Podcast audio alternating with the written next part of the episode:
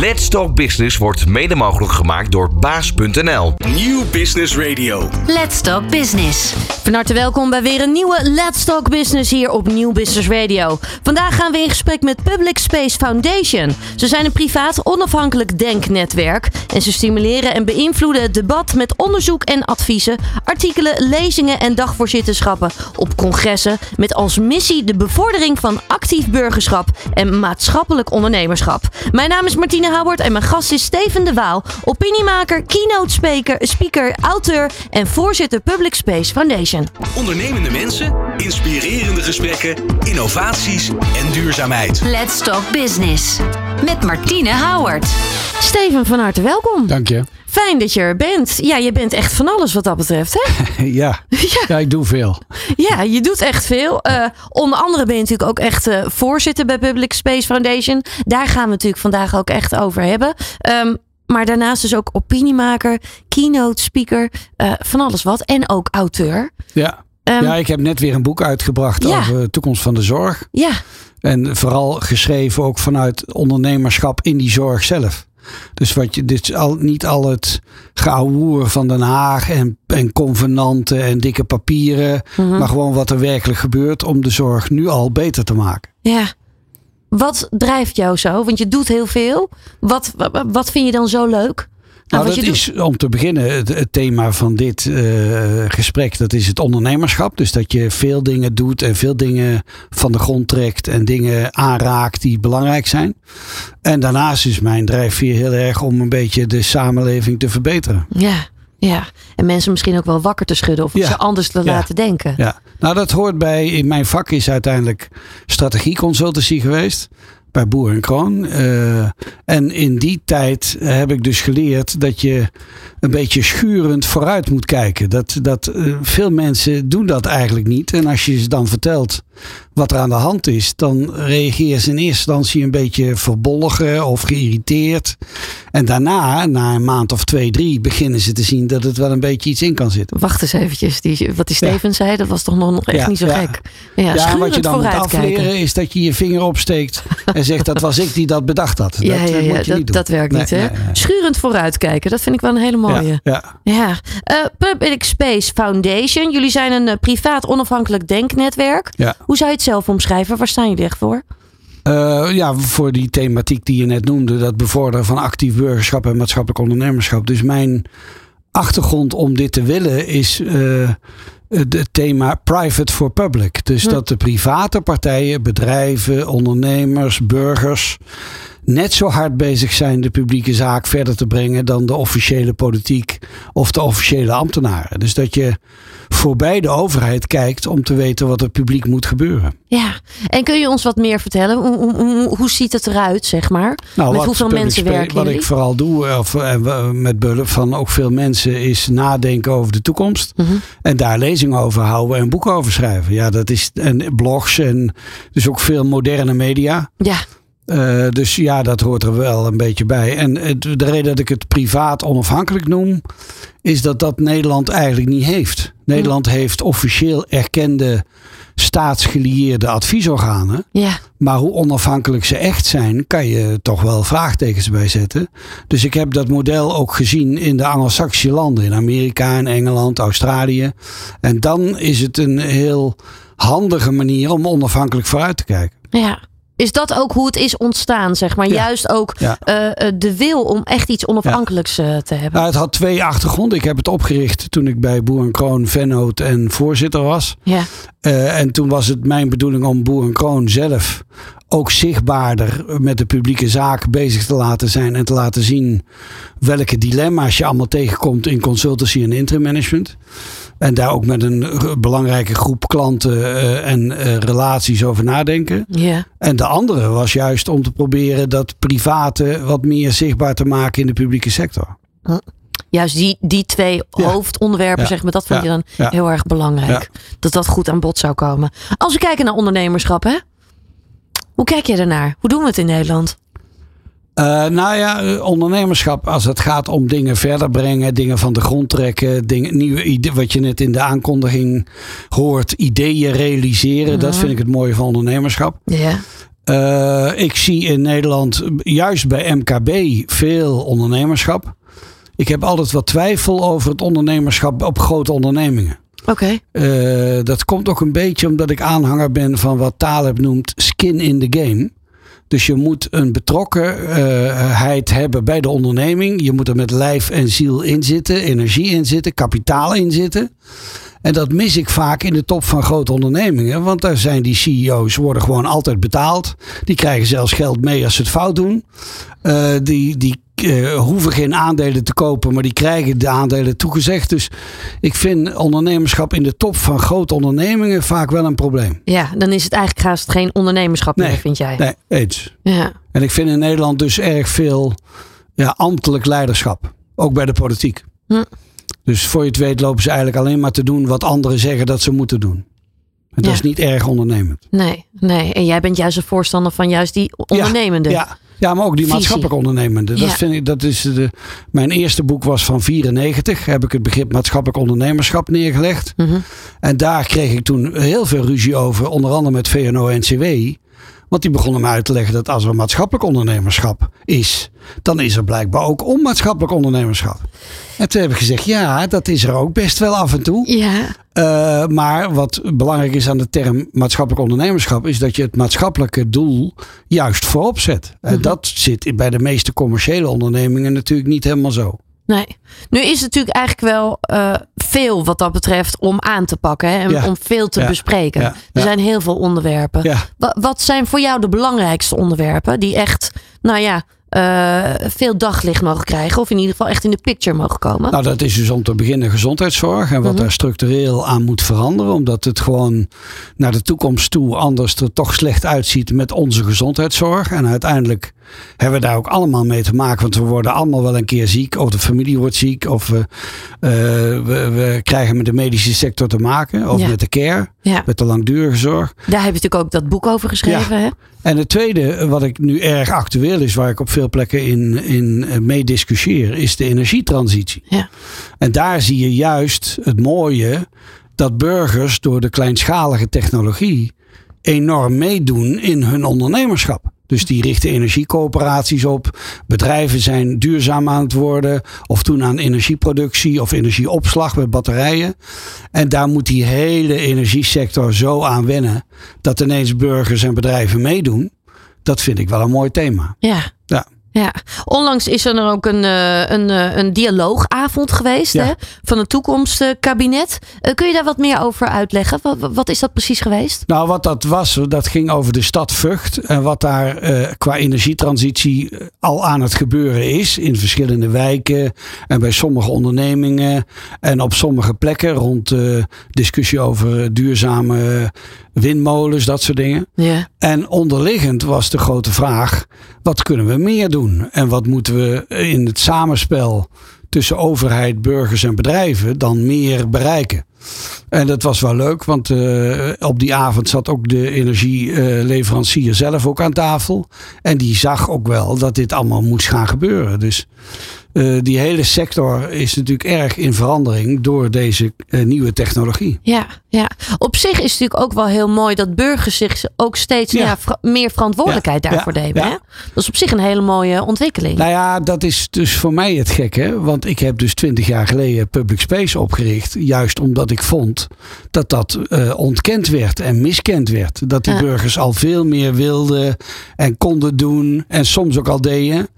En ik heb dus in mijn laatste Engelse boek van 2018 voorspeld dat de nieuwe ICT en mediatechnologie ertoe gaat leiden dat burgers zich met alles gaan bemoeien, zichzelf kunnen organiseren van onderop, massaal.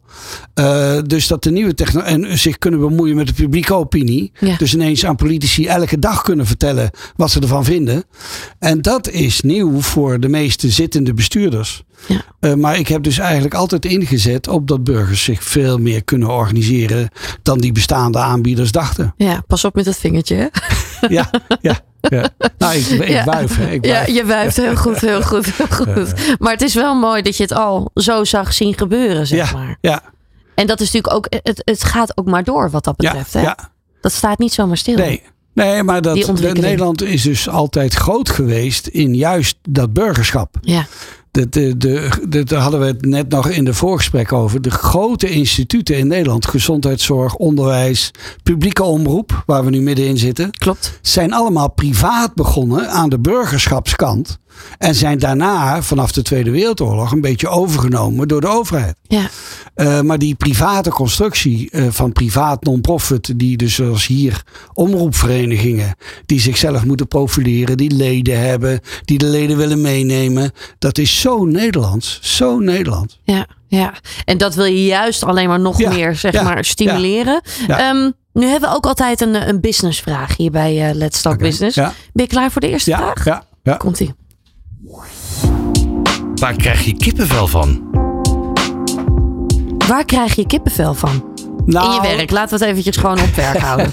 Ja. Ja, dat is toch ten dele van, van eh, het feit dat die zittende bestuurders en de zittende eh, bestaande instituten erg moeten wennen aan deze nieuwe burgermacht. Dat de burgers ineens wat te vertellen hebben, zichzelf kunnen organiseren, openlijk eh, publiek debat kunnen beïnvloeden. eh, binnen drie dagen met, met 10.000 boeren in Den Haag staan. Daar moet eh, de zittende macht heel erg aan wennen. En waar ik dus kippenvel van krijg, is hoe lang dat duurt. Ik heb juist mijn leven lang ingezet, want ik ken ook die bestuurders allemaal goed. En ministers en dat soort partijen. Ik heb er juist op ingezet dat ze eerder de partnership aangaan met die actieve burgers en bedrijven. Ja. Die maatschappelijk verantwoordelijke bedrijven. En dat begint nu pas een beetje te komen.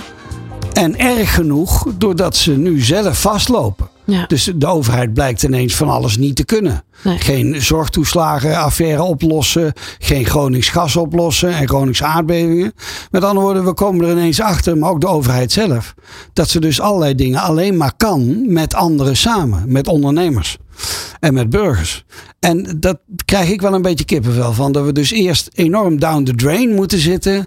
Eerst ze dat een beetje beginnen toe te geven. Maar dat is eigenlijk kippenvel in negatieve zin. Ja, Ja. ja.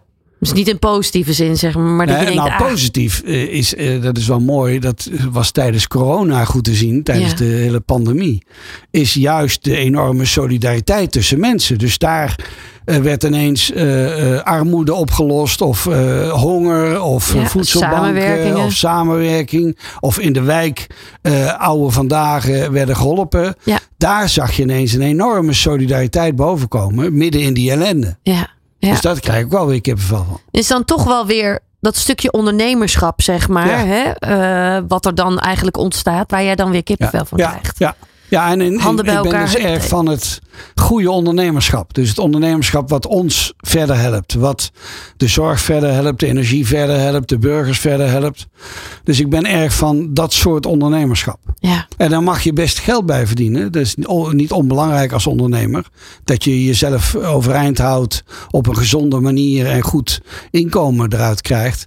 Maar het is niet de hoofdzaak waar ik bij ondernemerschap naar kijk. Nee, helder. We gaan hier zo meteen eh, verder eh, over praten. Dan blikken we ook terug hier bij Let's Talk Business.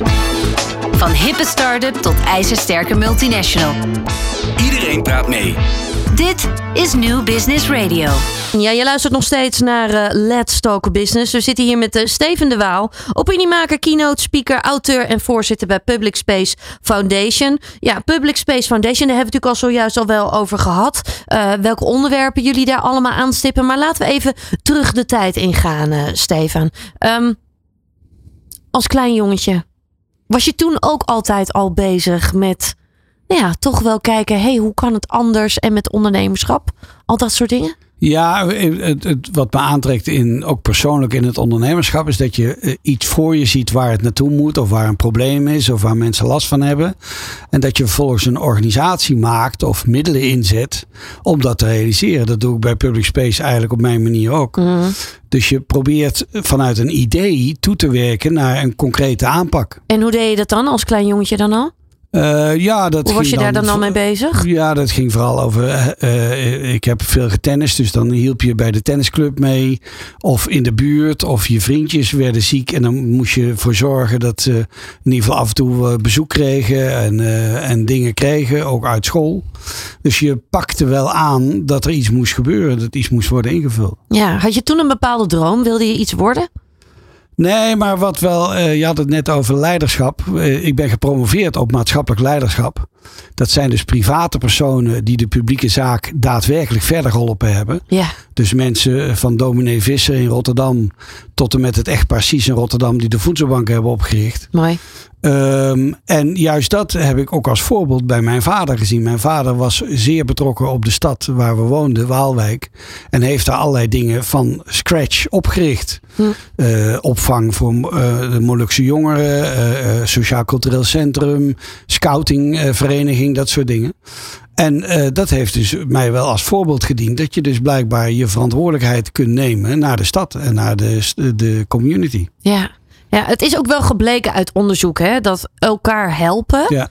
Als mensen elkaar helpen, dat ze daar ook ultiem gelukkig van worden. Hè? dat dat heel veel voldoening geeft. Ja. Uh, dus daar zit ook meteen een stuk werkgeluk. Als we kijken naar hoeveel mensen een burn-out hebben en ongelukkig zijn op een werk. Kijk eens hoe je elkaar misschien verder kan ja, helpen. Ja, wat je nu toenemend ziet bij bestuurders van ondernemingen. Omdat ze allemaal natuurlijk te maken hebben met een krappe arbeidsmarkt. Ja. Dat ze nu eh, allemaal als ze gek aan het nadenken zijn. Waar jonge arbeiders blijkbaar op afkomen. Klopt. En uh, dan komen ze erachter dat die helemaal niet afkomen op een dure auto en een leuk nieuw huis en nog meer inkomen. Maar dat ze juist zinnig werk willen doen, waar, wat de samenleving verder brengt. Ja. Dus ineens uh, zit aan die kant uh, voor mij een hele positieve drijfveer bij de huidige jeugd. Ja, dat is een mooie ontwikkeling. Ja. Toch nog eventjes terug de tijd in. Dat is wat we altijd in dit blokje doen. hoe ben je uiteindelijk gekomen waar je nu bent? Hè? Want je hebt uiteindelijk heb je Public Space Foundation opgezet. hoe heb je dat gedaan? Ja, ik was toen eigenaar, mede-eigenaar vennoot en bestuursvoorzitter bij Boer en Kroon. Er was mhm. toen nog een grote eh, bloeiende onderneming. Uh, onder mijn leiding zaten we in de top en we zaten in de top van de, van de sector, zowel aan de interim management als aan de strategie consultancy kant. Ja. En ik vond dat wij wat zichtbaarder naar buiten moesten laten zien waar we het in de teams vaak over hadden. De keuzes die we moesten maken, de nieuwe lijn die we zagen, de trends die we zagen, de nieuwe publiek-private samenwerking die we zagen. En dat we dat dus wilden voorleggen aan een groep betrokken uh, opdrachtgevers en relaties. Ja. Die daarin goed. En die heb ik dus bij elkaar gehaald. Onder leiding uh, van de inmiddels overleden Ed van Tijn. Om ze juist te laten meedenken over de dilemma's die we hadden. En om als het ware aan te scherpen dat wij de goede dingen deden en de goede dingen zagen. En dat is een heel goede formule geweest. Ja, ja. dat opzetten daarvan, hè, is dat nog uitdagend geweest? Of viel het heel erg mee? Nou, het zat heel erg in het verlengde van de boeken die ik al geschreven had. Er waren er niet zoveel. En de lezingen die ik veel gaf op allerlei congressen. Over de toekomst van de zorg, de toekomst van het onderwijs, de toekomst van de energiesector, de toekomst van de overheid. Um, en, en dus voor mij was het inhoudelijk niet zo'n geweldige stap. En het opzetten ervan paste ook goed bij de dynamiek die ik toen bij Boer Kroon wilde. Met veel innovatieve ondernemingen. We hebben heel veel dingen opgericht toen. Uh, wat, en daar past de public space uit, uitstekend bij. Ja. Nu heb je in 2018 ook een uh, ander boek uitgebracht. Hè? Ja. Civil Leadership as the Future of Leadership. Um, waarom dit boek? Hoe is dat ontstaan? Nou, dat is erg ontstaan doordat in de strategieliteratuur uh, disruption opkwam als thema. En dat, dat betekent in het Engels uh, echt uh, iets heel negatiefs. Vernietiging, ja. ondermijning, et cetera. En dat werd gekoppeld aan de nieuwe ICT en mediatechnologie. Dus dat ondernemingen zoals de Free Record Shop of VND of Blokker onderuit gingen omdat ze het internetkanaal niet zagen afkomen op hun business. Hm. En dus kregen ineens andere partijen een enorme macht. Zoals de platforms, de Ubers, de Booking.coms. Die namen als het ware de koopkracht uit de markt over. Ja. En uh, de betrokken hotels bleven gewoon bestaan met hun risico. Maar of ze nog een klant kregen, lag aan Booking.com en Trivago en anderen.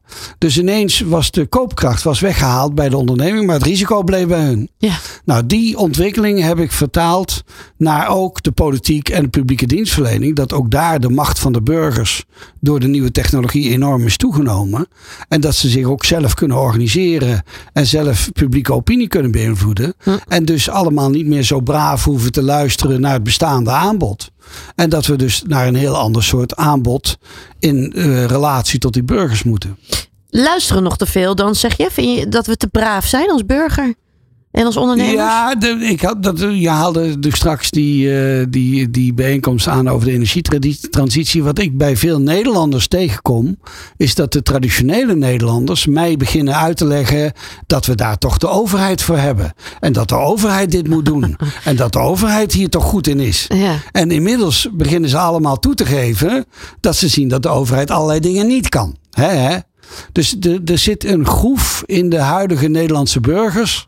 waarin ze denken dat daar de overheid en de politiek over gaat. Ja. En ze hebben eigenlijk als het ware afgeleerd dat ze daar eigenlijk zelf over gaan. Hm. Heeft dat ook nog met generaties te maken? Ja. Dus met generatieverschillen? Ja, de nieuwe generatie jongeren. Eh, A, eh, zijn die natuurlijk veel vertrouwder met de macht van de nieuwe media. Ja. Dus die weten feilloos hoe ze zichzelf moeten organiseren, hoe ze moeten communiceren. Ook naar de politiek, maar ook naar zichzelf en naar hun collega's. Eh, en het tweede is, ze zijn minder opgevoed met die ja, braafheid en gehoorzaamheid naar de overheid. Dan zeggen ze altijd, ja, wie is de overheid en wat doen die dan? Oh, en kijk, hier is het laatste schandaal ging hierover. En de politiek zelf vinden ze ook vreselijk. Dat is alleen maar ruzie maken en moeilijk doen. Ja. Ja, dat zien we ook steeds meer natuurlijk ook Ja. in de opinie, hè, wat dat betreft. Ja, Het vertrouwen is enorm gedaald. Ja. Als we dan nog eventjes kijken hè, naar de afgelopen jaren. Want je bent hier natuurlijk al een tijdje mee bezig. Wat is dan echt een belangrijke les geweest? Want we maken dit programma natuurlijk echt voor ondernemers. Eh, je bent zelf natuurlijk eigenlijk ook... Nou ja, Ja. je bent de opiniemaker. Maar je bent zelf eigenlijk Ja, natuurlijk ook ja, een, een ondernemer. Wat is een belangrijke les geweest? Ja, een belangrijke les is dat eh, die burgers eh, eh, ongehoorzamer worden in de zin dat ze zichzelf ook gaan organiseren. En dat er dus toenemend nu een generatie komt die doorkrijgt dat ze die nieuwe macht ook hebben, dat die nieuwe invloed ook hebben. Eh, dat is het eerste. Het tweede is dat ik bij de maatschappelijke ondernemingen in de publieke sector, zoals de omroepvereniging, ook de onderwijsinstellingen, de zorginstellingen, het toenemend een besef zie bij de bestuurders en bij de top van die ondernemingen dat ze hun private verantwoordelijkheid moeten waarmaken. Ja. Dus dat ook zij er niks meer aan hebben om naar Den Haag te wijzen dat die over vijf jaar eh, misschien een visie hebben geproduceerd. Daar heb je natuurlijk helemaal niks aan. Nee. Dus dat ze voorop lopen in ook hun verantwoordelijkheid, dat vind ik wel mooi. En bij de bedrijven, dat speelt onder andere rond klimaat en de energietransitie, zie ik ook nu toenemend bestuurders die hun eigen verantwoordelijkheid maken en ook ophouden met voortdurend naar of de overheid te wijzen of hun branchevereniging, VNO-NCW. Nee, je moet zelf aan de bak. En dat doen de meesten inmiddels wel. Ja. We gaan deze onderwerpen straks ook nog weer verder bespreken. Hè? Ja. Alle ontwikkelingen en trends die we daarbij zien. Maar we blikken straks ook vooruit. En dat doen we hier bij Let's Talk Business. Van hippe start-up tot ijzersterke multinational. Iedereen praat mee. Dit is New Business Radio. Ehm, ja, Steven, we hebben natuurlijk al heel veel verschillende onderwerpen met elkaar besproken. Maar laten we daar wat eh, dieper op ingaan. Eh, want jouw eh, boek is natuurlijk ook nog niet zo heel lang geleden uitgekomen. Het zal mijn zorg zijn. Zeven routes naar een gezond zorgstelsel. Kun je ons eens meenemen? Moet Ja, wat, ik- wat daar vooral doe, is eh, voorbeelden laten zien en die vervolgens ophangen aan een kapstok van die zeven routes.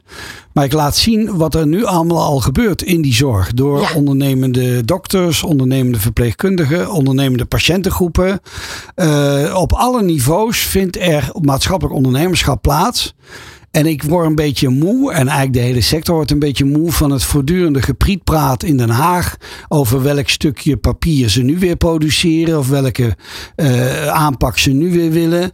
Je wil concreet laten zien, ook aan de patiënten en de burgers in Nederland, die eh, goudgeld betalen voor hun zorg Zeker. en die er zeer van afhankelijk zijn, wat er dus eigenlijk allemaal al goed gaat. Ja, En dat we dus helemaal niet hoeven te wachten op het volgende stukje papier. nee. Nee. Wa- wa- wat is dat dan? Hè? Wa- Waar heeft dat dan mee te maken dat er, dat er aan de ene kant dus heel veel van die ondernemers Ja. zijn, ook Ja. in de zorg, Ja. want die krijgen wij hier ook heel regelmatig over de vloer. Eh, dus dat kan ik zelf als presentatrice ook echt zeggen dat er heel veel gebeurt, ook hele positieve dingen. Maar aan de andere kant horen we eigenlijk alleen maar het ene naar het slechte nieuws eigenlijk over de zorg. Ja, maar dat slechte nieuws eh, in de Haagse agenda is bedoeld om de urgentie te vergroten. En om voortdurend te zeggen wat er fout gaat als we niks doen. Mhm. Dus dat, dan wordt het te duur, dan komen er geen mensen, dan, kom, dan moeten we alle zorg weer zelf gaan doen. Ja, dat hartinfarct van de zorg, dat wordt, wordt continu ik, ik ben dus, ik ben dus, ik heb inmiddels geleerd bij alle veranderingsprocessen die ik gedaan heb, je moet met de positieve boodschap beginnen. Dat is een beetje ook wat er nu fout gaat in de landbouwcrisis.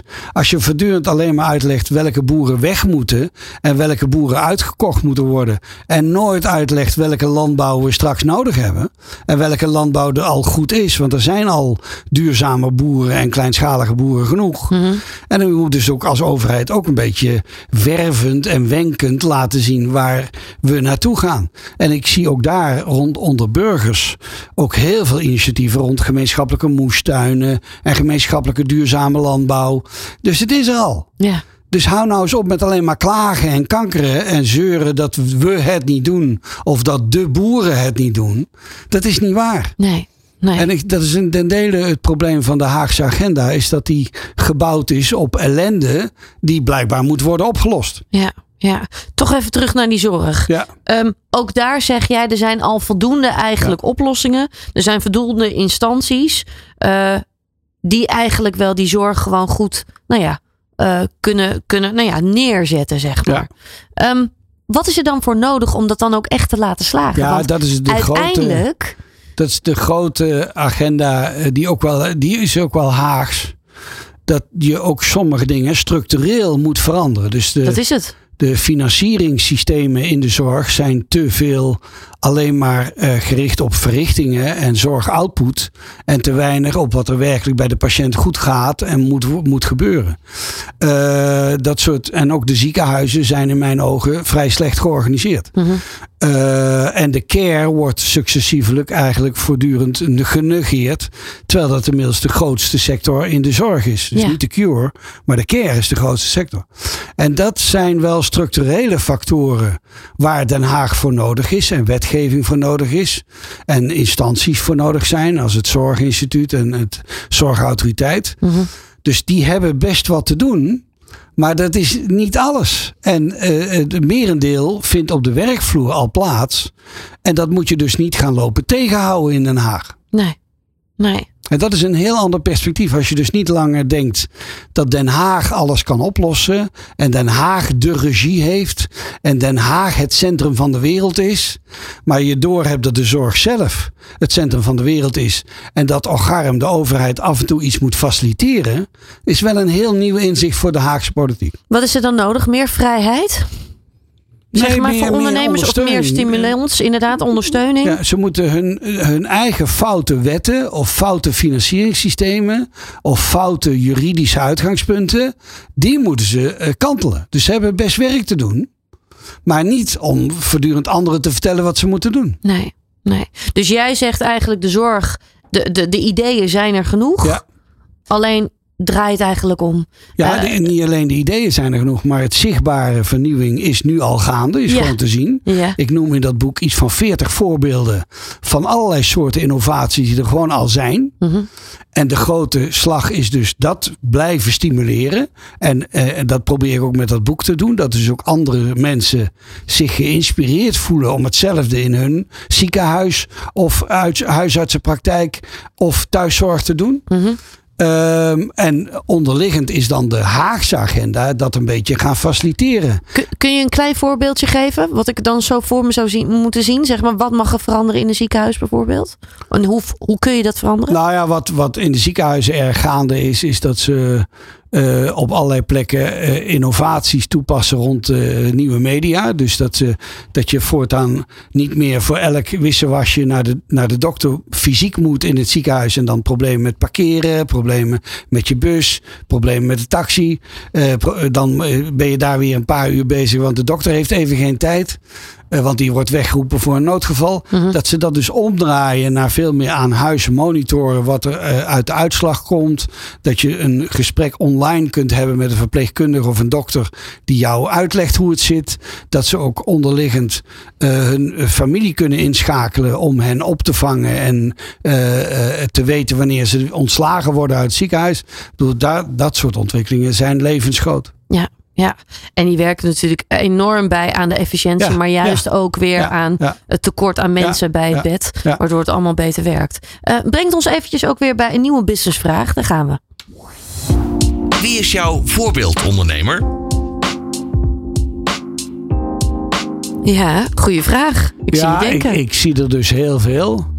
Eh, een van mijn voorbeelden eh, eh, in mijn proefschrift van maatschappelijk leiderschap was dominee Visser in Rotterdam. Mhm. Die daar aantoonde door de opvang van drugs- en eh, dak- en thuislozen in zijn kerk in Rotterdam, in het centrum van Rotterdam, de Ja. Sint-Pauluskerk.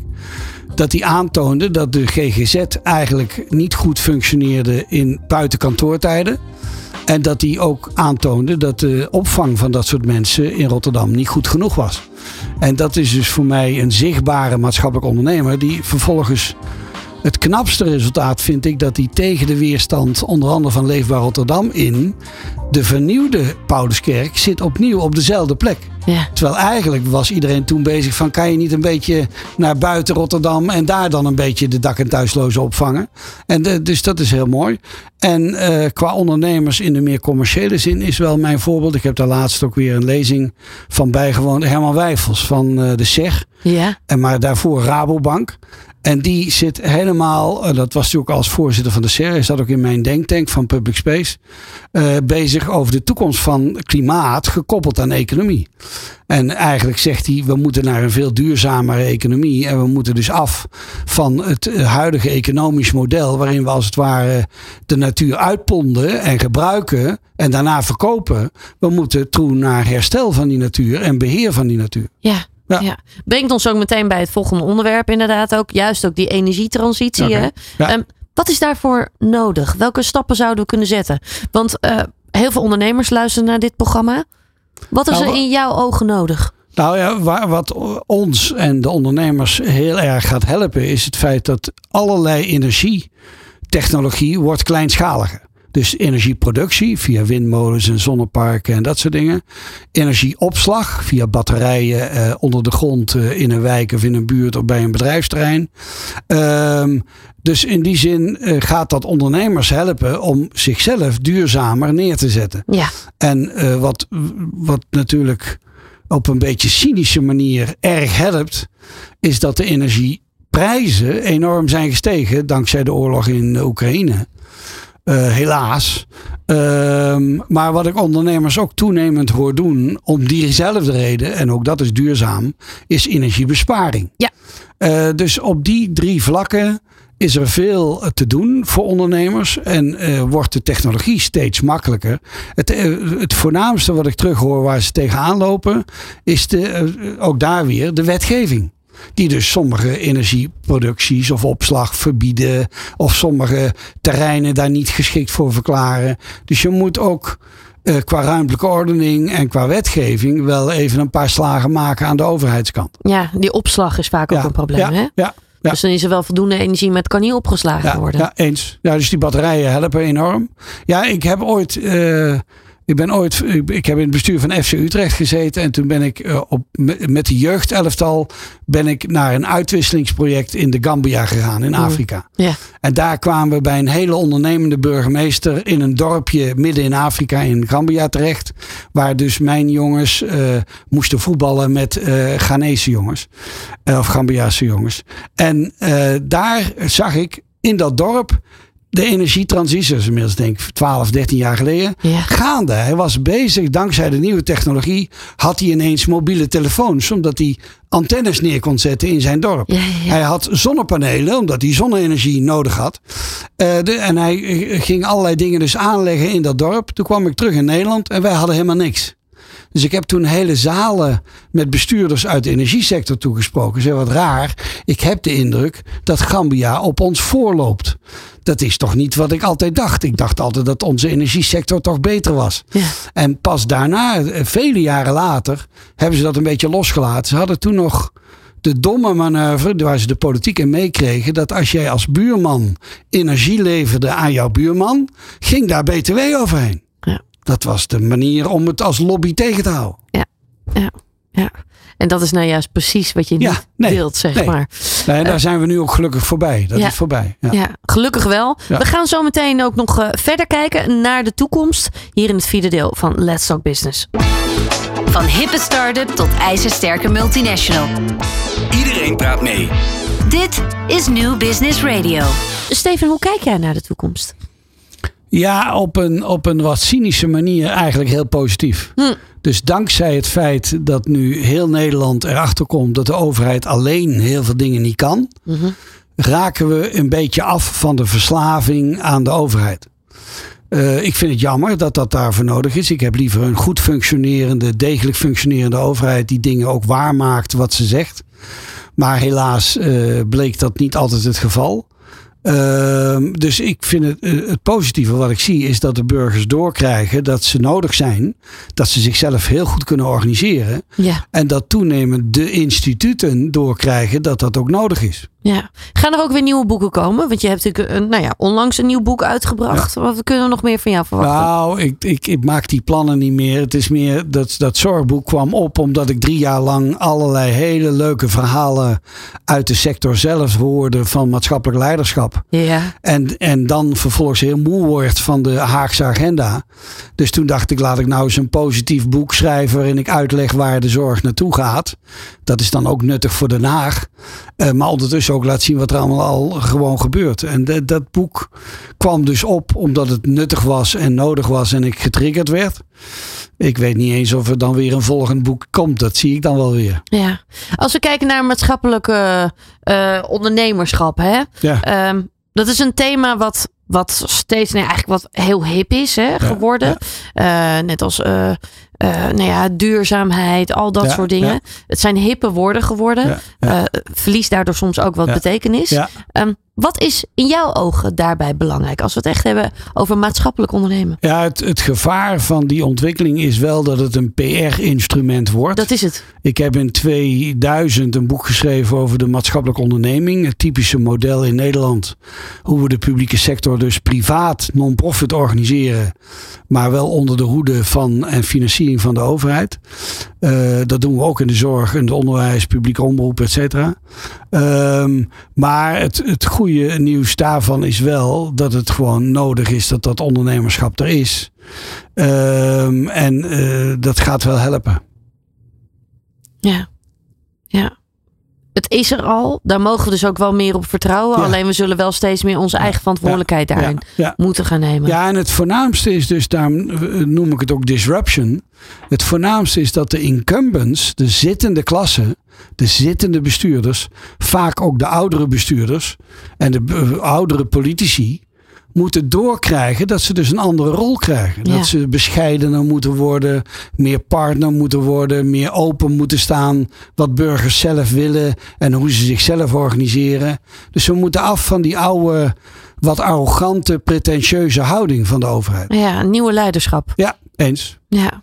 Dat is ervoor nodig. Dat is een onderwerp wat hier ook veel aan bod komt. Eh, brengt ons ook nog wel bij een nieuwe businessvraag. Want als we echt puur kijken naar Public Space Foundation, eh, dan ben ik ook nog wel eh, nieuwsgierig wat jouw antwoord dan hierop is. Maak de zin af. Jullie zijn pas echt tevreden als. Ja, wanneer zijn jullie echt tevreden? Ja, ik ben echt tevreden als dat gedachtegoed eh, werkelijk landt in zichtbare innovaties en veranderingen. Hm. Dus ik ben heel erg van de categorie dat ik bestuurders, eh, of het nou politiek of commercieel of non-profit is, eigenlijk pas geloof als ze doen wat ze zeggen. Ja. Dus ik ben erg tegenstander van alleen maar retorisch gelijk krijgen. Ik ben ervoor dat ik ook zichtbaar gelijk krijg. Ja. ja, en wat je zegt, hè? Dat ze echt doen wat ze zeggen. Ja, ja, ja. Dat ja. is denk ik juist in deze ja, tijd Ja, extra ja. belangrijk nou, dat hoort ook bij leiderschap. Kijk, leiderschap, de definitie daarvan is eh, dat het eh, moet schuren. Dus als jij de hele dag hele tevreden mensen om zich heen ziet die jouw functie eh, heel goed vervuld vinden worden, ben je waarschijnlijk geen leider. en, en, en het tweede is dat een leider wordt bepaald door de mensen die hem of haar spontaan volgen. Mhm. Dus niet uit macht of uit gezagsoverwegingen of omdat mijn baan ervan afhangt. Maar zeggen, die heeft een beetje gelijk en die kant gaan we op. Ja, En dan ben je pas echt leider. En dit is nog wel even zoeken eer je dat leiderschap terugziet. Ja, mooi, mooi wat je zegt. Want dat is inderdaad wel waar het echt ook in de kern Ja, natuurlijk ja. echt om gaat. Ja, ja. Eh, wat hebben we ervoor nodig? Dat we nog meer dat soort mensen ook hebben. ja vooral. En, en dat die ontwikkeling Ja. ook gaat ontstaan, hè? Van Nou dat ja, nieuwe dele, leiderschap. dat is het paradoxale. Ten dele ontstaan leiders juist uit een zekere weerstand. Die wrijzing Dus die- weer. En, en die, daar zijn ze ook eigenlijk helemaal niet bang van. Dus alle dertig die ik onderzocht heb in mijn promotieonderzoek... vonden het helemaal niet erg dat een deel van de mensen het niet met ze eens was. Hm. Dat zelfs de bestuurders het niet met ze eens waren. Ze gingen gewoon door. Ja. Want ze deden goede dingen. En uiteindelijk bleek dat ook. Eh, dus dat hoort er ten dele bij. Dat je niet te vroeg denkt, oh iedereen moet een beetje meedoen.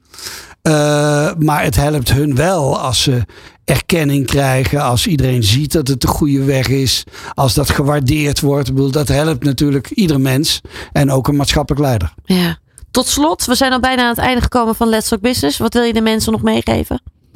Nou, vooral eh, neem je eigen verantwoordelijkheid. Doe zelf aan het leiderschap wat voor jou eh, zichtbaar en nodig is. Want iedereen kan leider zijn. Dat is het gekke. Je moet leider niet parkeren bij bestuurders of bij managers of bij bazen. Dat ben je zelf. In jouw buurt, in jouw gezin, eh, met jouw mensen, in jouw sportvereniging, eh, inclusief ook in jouw functie. Ja. Daar hoort leiderschap bij. En als je dan een beetje wat van mijn maatschappelijk leiderschap meeneemt, ben ik al heel tevreden. Ja, mensen kunnen jullie natuurlijk ook volgen hè, op de Ja, website ja, zelf. ja. Eh, waar kunnen ze jullie nog meer vinden?